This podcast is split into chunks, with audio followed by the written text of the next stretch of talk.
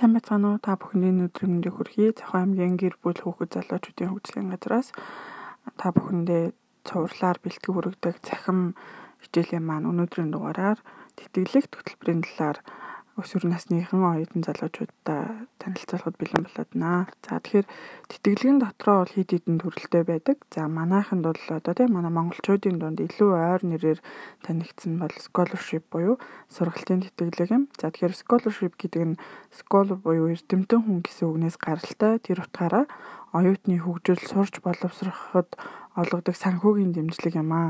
За ерөнхийдөө сургалтын тэтгэлийг бүхэлд нь дээрх нэр томьёогоор нэрлэдэг байх нэ. За харин тэтгэлийн өөр нэг төрөл нь хувь хүнд олгогддог тэтгэлэг буюу fellowship юм. Энэ нь тухайн хүний зэрэгээ ахиулахад зэрэгээ ахиулан суралцахад дэмжлэг болох зорилготой тэтгэлэг хөтөлбөр бөгөөд сургалтын төлбөр, оюутны байр, хэрэглээний зардал зэргийг санхүүжүүлдэг байна. За харин грант буюу судалгаа шинжилгээний ажилд олгодог тэтгэлэг нь илүү агсан түвшинд судалгаа шинжилгээ хийхэд зориулагдсан хөтөлбөрүүд байдаг. Магадгүй докторийн түвшний ч юм уу те магистрийн түвшний хүмүүст олгогддог байх нэ. За өөрөөр хэлэх юм бол тухайн судлаачийн судалгаанд хэрэглэх материалууд багаж хэрэгслийн зардал зэргийг санхүүжүүлэхийг бол хилдэг байна. Харин хувь хүний амьдрахааны зардлыг тэр бүр санхүүжүүлдэг байна.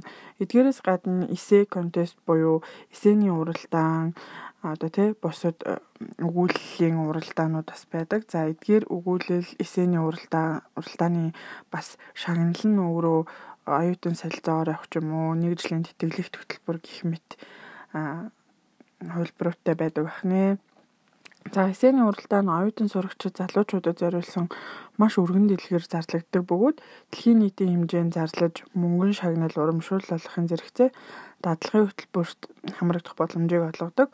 За манай орны оюутан сурагчид залуучууд ч гэсэн үүнд оролцох бүрэн боломжтой байдаг бөгөөд Америк, Англи, Австрали зэрэг улсад бүрэн хэмжээний тэтгэлэгтэйгээр одоо тий суралцсан тохиолдол хүртэл байдаг бахны эсэний уралдаанд орж төрүүлээд байх нь шүү дээ.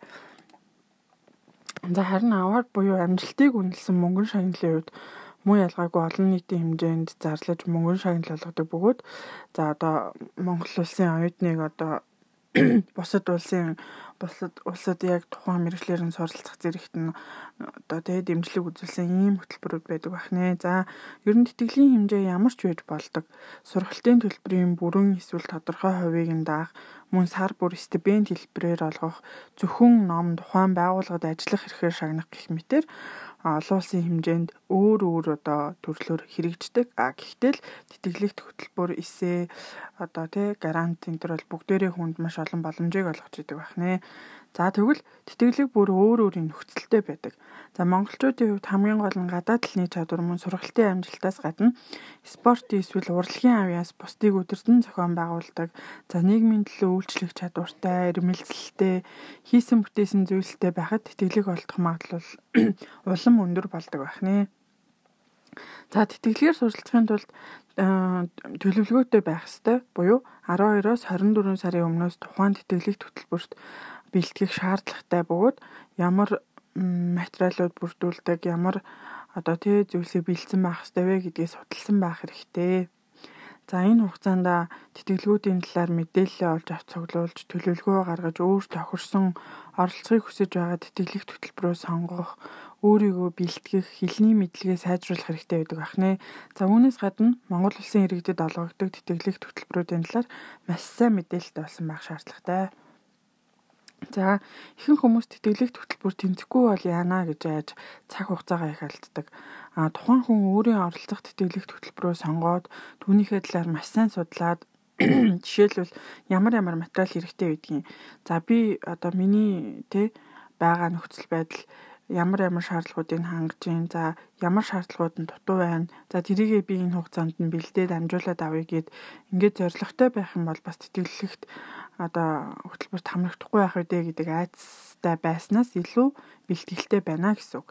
Тэгэхээр тухайлбал ямар хэмжээнд зохион байгуулагддаг хин хин оролцдгийн хэдэн хүн шалгаруулж авдаг хугацааны хувьд ямар байдгийг тухайн улсын талаарх ойлголт мэдлэгээ зузаат зузаатгах хяналт нь ямар байдаг талаар мэдэж судлах нь бол тэтгэлэг тэнцэх боломжуудыг бас нэмэгдүүлдэг байх нэ.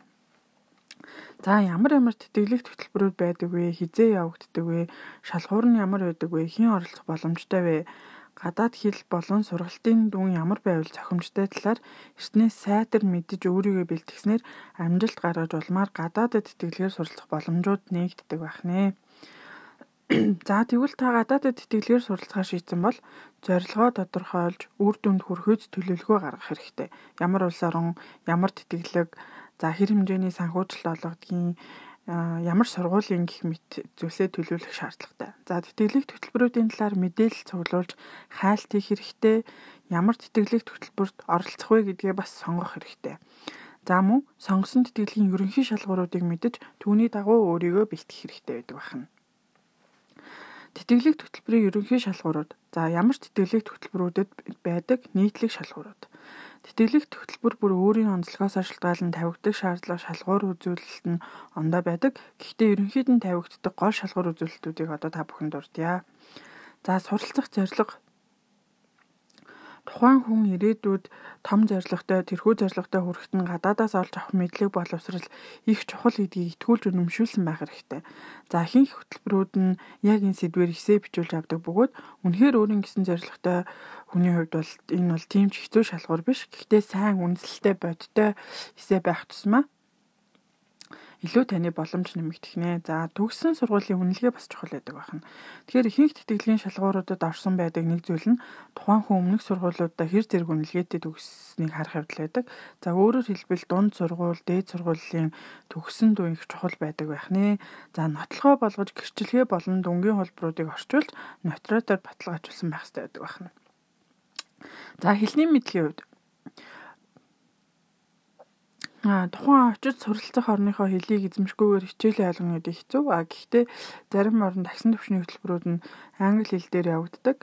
Англи хэлийг одоо тий өнөөдөр дунд сургууль, их сургуулиуд бүгдээрээ л хичээлийн програмд оруулаад үздэг болсон бөгөөд сургалт амжаанууд, ном сурах бичвүүч гэсэн их байна. Тийм учраас бас бэлдэж хэлнийхээ мэдлэгийг сайжруулсан байх нь нийтлэг шалгуур үзүүлэлтэд бас сайнаар нөлөөлдөг байх нэ.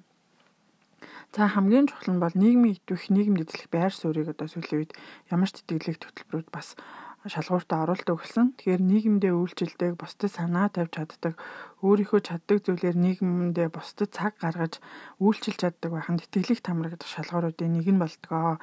За мөн төрөл бүрийн олон уралдаан тэмцээнд оролцож бусдыгаа манлайлах чадварыг чадвартай байх нь ч гэсэн бас нэг үзүүлэлт байдаг байх нэ. За харин магистр буюу түүнээс дээш төвчний хөтөлбөрүүдэд нийгэмд эзлэх байр суурь, мэрэгчлэрээ ажилласан жил, судалгаа шинжилгээний бүтээлүүд, эрдэм шинжилгээний ажлууд зэргийг шаарддаг байх нэ.